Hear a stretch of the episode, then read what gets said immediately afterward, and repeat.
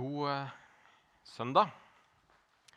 Vi er altså da inne i eh, taleserien Bro til tro, hvor eh, BRO, BRO, står for bønn, relasjoner og ord. Serien er inspirert av boken med samme navn, som er skrevet av Gina Gjerme og Siri Kalvatn i Salt Bergen. Og Odd Arild Berge han talte sist søndag om B for bønn. Og i dag er det altså R for relasjoner som er i fokus. Og hva er en relasjon? Jo, i ordboka så står det at eh, ordet relasjon det betyr forhold, forbindelse, sammenheng eller samhørighet. Du kan ha nære relasjoner, du kan ha løse relasjoner, du kan ha relasjoner som skjer der og da, og du kan ha relasjoner over tid. Og Du kan ha relasjon til noen in uh, real life, eller du kan ha relasjon til noen på sosiale medier som Facebook osv. osv. Men vi har alle våre relasjoner, og jeg tror at vi alle trenger relasjoner.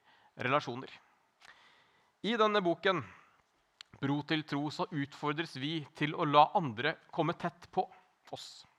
Det står bl.a. at vi når mennesker gjennom våre relasjoner.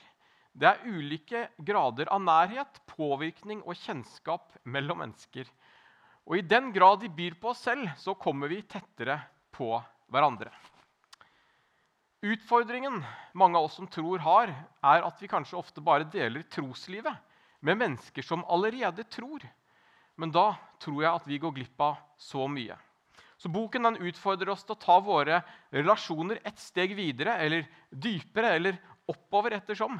Og det å dele noe av troslivet vårt og de tingene som jeg tror mange mennesker også er opptatt av i sine liv naturlig.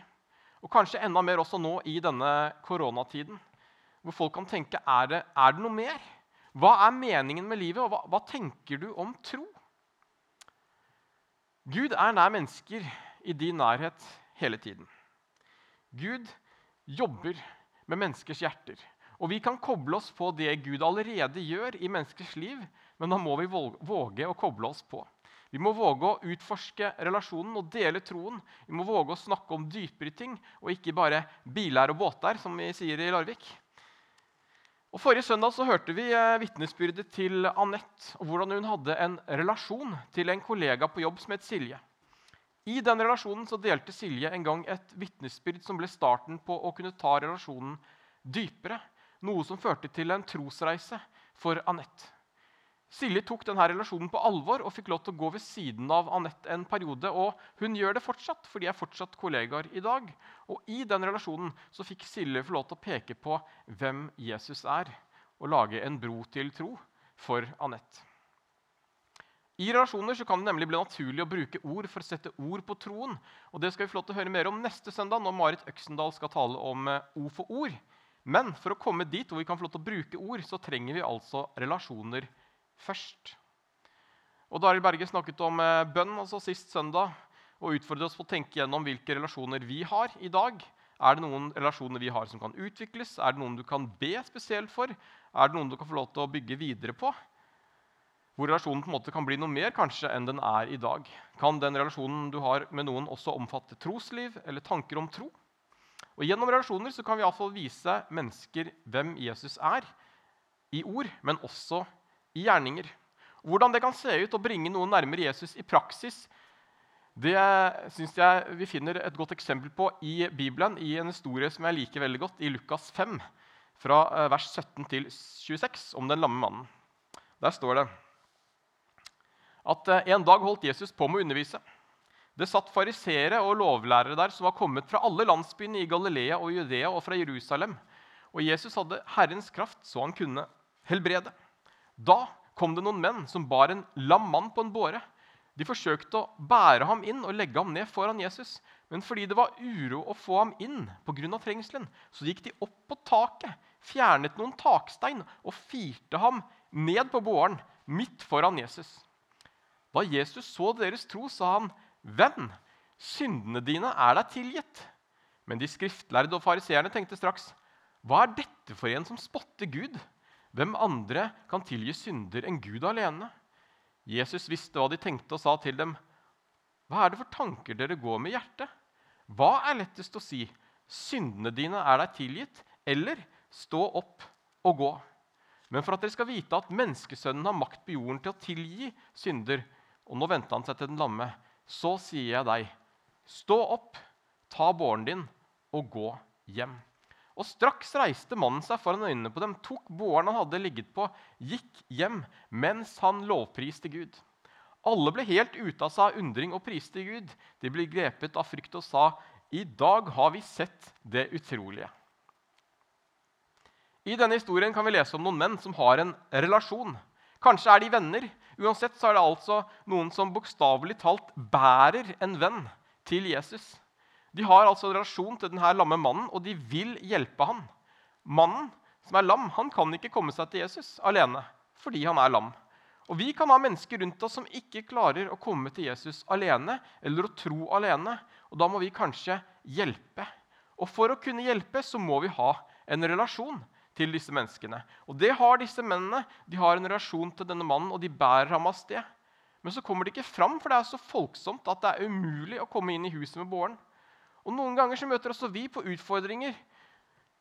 Og hva gjør vi da? Jo, de her gir iallfall ikke opp, og de finner en løsning.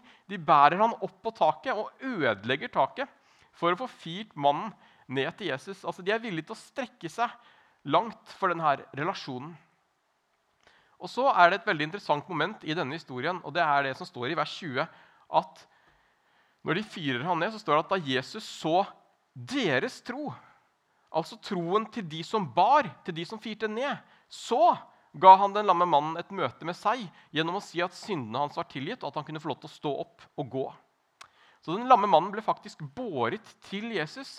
Og jeg tror Jesus ser hvor mye det her betyr for de som bar, at denne mannen skulle få et møte med ham at Jesus velger å møte denne mannen der og da. Når Jesus så deres tro, så skjedde miraklet. Og Jeg tror at Jesus kan møte mennesker rundt oss når vi strekker oss for dem. Når Jesus ser vår tro og hvor mye det betyr for oss, de relasjonene. Men da må det være ekte. Det må komme fra hjertet, og det må gjøres i kjærlighet. Og så må vi ha en relasjon til noen fra før. Og noe av det jeg angrer mest på i mitt eget liv, det er de relasjonene som forsvant. De jeg kanskje ikke gjorde nok for å holde på. Kanskje var det lettere i noen settinger å bare holde på relasjonene til, til de som også trodde. Jeg tror det å bygge gode relasjoner er ekstra viktig i et samfunn hvor den gode samtalen er under press fra mange kanter fra sosiale medier, skjermer og andre ting som tar vårt fokus og som utfordrer oss og gjør at relasjonene i dag kanskje ser annerledes ut enn tidligere. Og så tror jeg at vi noen ganger er redd for å bygge relasjoner. Kanskje er vi redd for å bli kjent med nye fordi vi ikke alltid kanskje vet hva vi skal si, eller vi tenker at folk ikke vil bli kjent med meg. Eller vi tenker kanskje at vi har det bedre uten nye relasjoner. Vi har det bra som vi har det. Og en interessant undersøkelse fra noen år tilbake i tid tror jeg er like relevant i dag. Det sto i Aftenposten for en del år siden en artikkel fra USA som lød slik. De sitter tett i tett, stirrende på små skjermer. Hvorfor er de reisende på den overfylte morgenbussen så skrekkelig opptatt med sitt? Mennesket er som et sosialt dyr, sa Aristoteles. I våken tilstand bruker vi mye av tiden til å kommunisere med andre. Selv i drømme holder vi oss sjelden for oss selv. Men går vi om bord på en buss eller et tog, så er det en uskreven regel å sette seg alene så fremt det fins en ledig toseter. Og to amerikanske forskere, Nicholas Epley og Juliana Schroeder ved University of Chicago, de synes at det er et gedigent paradoks at mennesker som ellers bruker så mye tid på sosialt samspill, skjermer seg på denne måten. Altså Hvis bussen var full av venner og kjente, så ville vi neppe oppført oss slik. Hvorfor er det så viktig å unngå å småsnakke med ukjente? undervurderer vi virkningen av tilfeldig kontakt. Og Forskerne konkluderte da med følgende at vi tror vi helst vil være alene, men egentlig tar vi feil. Og det er spennende. For på ett område er forskningen nemlig entydig. At det å oppnå meningsfull kontakt med andre er den aller største kilden til lykke.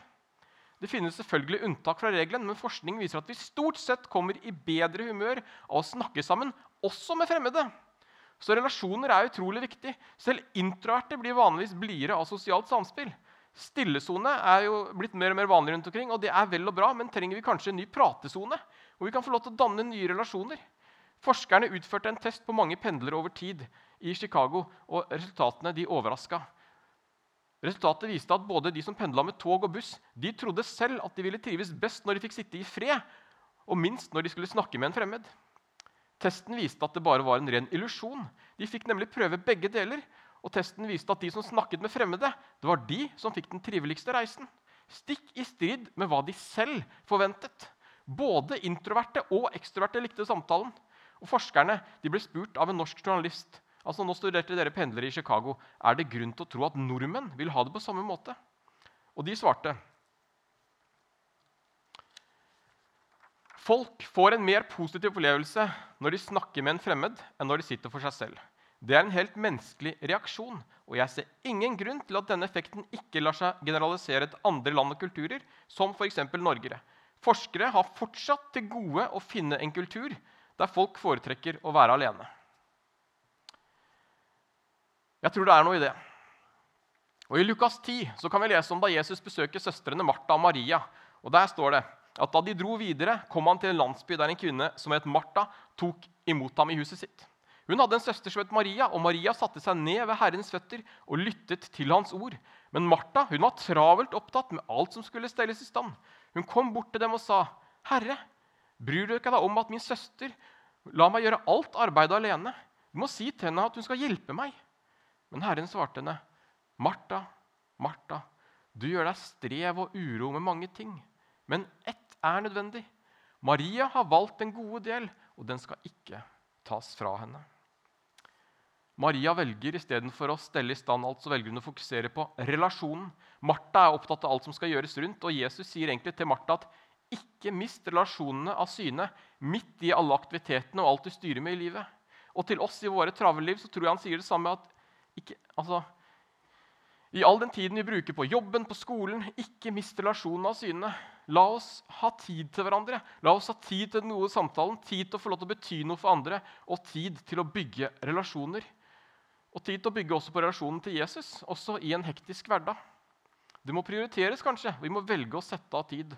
Og jeg tror at det her med den gode samtalen bare blir viktigere og viktigere i den tiden som ligger foran. For jeg tror det ligger flere nøkler i det her med å snakke sammen på en god måte. Og det setter ord på ting som er vanskelige, og det å velge å lytte til andre. For noen år siden så valgte vi ut en bibelhistorie for vår menighet. Eh, og Da valgte vi apostelgjerningene 8, hvor det står om Philip og hoffmannen. Det handler om at Philip eh, begynner med å søke Gud i bønn. og Han blir ledet ut i ødemarken av ånden. Der bygger han en relasjon til en fremmed hoffmann fordi deres veier krysser hverandre der. og Han får lov til å forkynne for ham med ord. og Det ender med at hoffmannen kommer til tro og døper seg. Men i historien så måtte Philip være villig til å ta kontakt. Han måtte være villig til å få i gang samtalen, han måtte være villig til å opprette en relasjon. Og så fikk han lov til å se at det ble resultater av det. Og jeg tror på den historien. Nei, nå har jeg skravla lenge, så her hadde jeg egentlig tenkt å legge inn en liten rapp eller noe sånt, som kunne passe til dagens tema. Eh, og da tenkte jeg egentlig på noe sånt som eh, Ikke gå gjennom livet alene. Bygg en relasjon, og begynn med den ene. Bygg en relasjon til din nabo eller i byen der du skal bo. Bygg en relasjon mens du er på ferden. Det er det samme hvor du er hen i verden. For alle mennesker trenger en relasjon eller to. Å bygge relasjon det starter med en bro. Og snakk gjerne om tro. Men vil du forandre vår nasjon, så bygg en relasjon. Bygg en relasjon mens du sitter på bussen eller mens du studerer jussen. Bygg en relasjon mens du ligger på strand eller mens du reiser i ukjente land. Bygg en relasjon med noen der du bor. Bygg en relasjon med en søster eller bror. Bygg en relasjon med han du møter på butikken, eller bygg en relasjon mens du sitter på trikken. For alle mennesker trenger en relasjon eller to. Å bygge relasjon det starter med en bro. Vil du forandre vår nasjon? Bygg en relasjon. Bygg én, bygg to, bygg tre eller fire. Mange relasjoner gir glede i livet. Har du en dårlig relasjon som kunne vært bedre, strekk ut en hånd for å reparere. Gjør godt mot alle du møter på din vei, så er det mange som vil ha en relasjon til deg. Bygg en relasjon når du er på fest, bygg en relasjon når du rir på hest. Bygg en relasjon mens du er på zumba, eller bygg en relasjon mens du danser rumba. For alle mennesker trenger en relasjon eller to. Å bygge relasjon det starter med en bro. Vil du forandre nasjonen? Start med relasjonen. Så Det var en tanke jeg hadde, men siden jeg ikke er en eh, rapper, så slo jeg den ideen fra meg. Så eh, rapp det blir det ikke i dag. Men relasjoner er viktig. Og I går så var det noen her fra kirka som var ute i Byhaven og delte ut boller og varm kakao i vinterkulda. De fikk lov til å bygge litt relasjoner der og da med fremmede, og de fikk lov til å prate med folk. Og jeg tror at det ga de noe, at de fikk lov til å være ute og bygge relasjon. Og det hadde de lyst til å gjøre igjen, og da betyr det at det, var, det ga de noe. Og bli gjerne med på det. Det vil bli flere anledninger til det Også i dag så er det en gjeng jeg, som jeg hørte om som drar opp til Rossoltkjenna i sånn halv to-tida for å være sosiale og ake og brenne bål.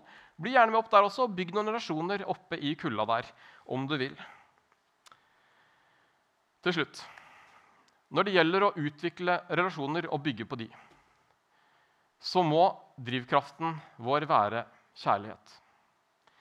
Jesus gikk rundt på jorda i noen år, og han bygde mange relasjoner. Og det var kjærligheten som drev ham. I Matteus 14, 14 så står det at da han gikk i land, så fikk han se en stor folkemengde, og han fikk inderlig medfølelse med dem og helbredet de syke blant dem. I Lukas 7, 13 så står det at da Herren fikk se enken, fikk han inderlig medfølelse med henne og sa, 'Gråt ikke'. Og Det er veldig mange vers i evangeliene hvor det står at Jesus fikk inderlig medfølelse med mennesker. Når Jesus hjalp noen eller pratet med noen, så var det kjærligheten som drev ham. Jesus møtte mennesket med hele seg. Det kom fra hjertet. Og det må også være vår drivkraft om vi skal bygge gode relasjoner. Da må vi også velge å ha rom i våre hjerter for nye relasjoner. Og det å bygge relasjoner betyr ikke at man skal bli bestevenn med alle, men det betyr at man kan få lov til å bety noe for noen, enten der og da eller over tid. Og Da må vi også spørre oss selv har jeg rom for flere relasjoner i mitt liv per i dag? Eller har jeg nok med meg selv og de relasjonene jeg allerede har? Er det noen av de relasjoner jeg allerede har, som jeg kan få lov til å bygge videre på? Er det noen i min nærhet jeg ønsker å bygge en relasjon til, som jeg ikke har en relasjon til i dag? Og så må vi våge også å være gjestfrie og kanskje tenke er det, er det rom for en ekstra rundt vårt middagsbord i dag? Er det rom for en ekstra i vår cellegruppe? Hvem kan jeg bety noe for i dag? Og ikke utsette hele tiden. Da kan det dessverre plutselig være for sent. For en del år siden så kom jeg travel hjem fra jobb med matvarene fra butikken. og Jeg var på vei inn i huset fra bilen da en fra nabolaget som jeg ikke kjente så veldig godt, tok kontakt med meg. Vi prata litt sammen, og jeg kjente på eh, når jeg unnskyldte meg med at jeg måtte inn med varene, at eh, jeg kanskje burde pratet mer. Men så tenkte jeg i mitt stille sinn at vi kan jo ta opp tråden neste gang vi møtes. Og så fikk jeg aldri tatt opp den tråden. For ikke så lenge etterpå så valgte han å avslutte livet sitt. Og når jeg fikk vite det, så var det som å få et uh, knyttneveslag i, i, magen. For her var det en nabo som kanskje hadde behov for en prat i en vanskelig situasjon. Og så var jeg mest opptatt av å få Grandisen i, i frysen. Jeg vet ikke om det hadde gjort noen forskjell om jeg hadde stoppet lenger opp den dagen. Men jeg vet at jeg alltid vil angre på at jeg ikke gjorde det. Og så lovet jeg meg selv at neste gang jeg opplever noe lignende, så vil jeg håndtere det annerledes. Fordi at anledninger til å bygge relasjoner det skjer rundt oss hele tiden. Og Vi kan ikke bety noe for alle, men vi kan bety noe for den ene. Vi kan velge å lytte. Vi kan velge å dele det vi har opplevd i våre liv. Vi kan velge å inkludere, vi kan velge å invitere, vi kan velge å være gjestfrie. Uansett om vi er ekstroverte eller introverte. Og Kanskje så har du noen lignende opplevelser i ditt liv hvor du har tenkt at det her burde jeg håndtert annerledes. Eller kanskje har du også lært på den vonde måten. I så fall så har jeg lyst til å be en bønn for deg eh, til avslutning i dag. For det som ligger bak oss, det kan vi ikke gjøre noe med, annet enn å legge det på Gud. Og så kan vi velge å ta også han med inn i det som ligger foran, og ikke minst i dagen i dag, hvor du kan få lov til å bety en forskjell. Jeg syns eh, kirkefader Augustin sa det fint en gang. Overlat fortiden til Guds nåde. Nåtiden til hans kjærlighet og fremtiden til hans omsorg. La oss be sammen. Kjære far, takk at du har eh, skapt oss til relasjoner. Og takk for at du går med oss i hverdagen, far. Jeg ber om at du skal eh, hjelpe oss til å bygge gode relasjoner med mennesker rundt oss i vår hverdag, far. Og du ser hvis det er noen som eh, trenger en relasjon, far, som vi kan få lov til å bety noe for, far, så led oss til de, slik som du ledet Philip til hoffmannen, far, i, i ødemarken. Du ser også de tingene vi kanskje tenker på som ligger i fortiden, far, og hvor vi kanskje gjorde noe galt i en relasjon, eller det var noe vi burde gjort annerledes i en relasjon, far. Må du hjelpe oss til å rydde opp i det der det er mulig, far. Hjelp oss til å be om tilgivelse i de relasjonene som vi trenger det for. Og der det er mulig, far. Må du velsigne tiden som ligger foran, far. Hjelp oss til å ha fokus på den og fokus på deg i hverdagen, far. Og må du hjelpe oss i våre relasjoner, far. Vis oss mennesker rundt oss som vi kan få lov til å være med og bety noe for og peke på deg, Jesus. Og takk at du gir oss kraft og styrke hver eneste dag. Takk at du går med oss. Vi ber i Jesu navn. Amen.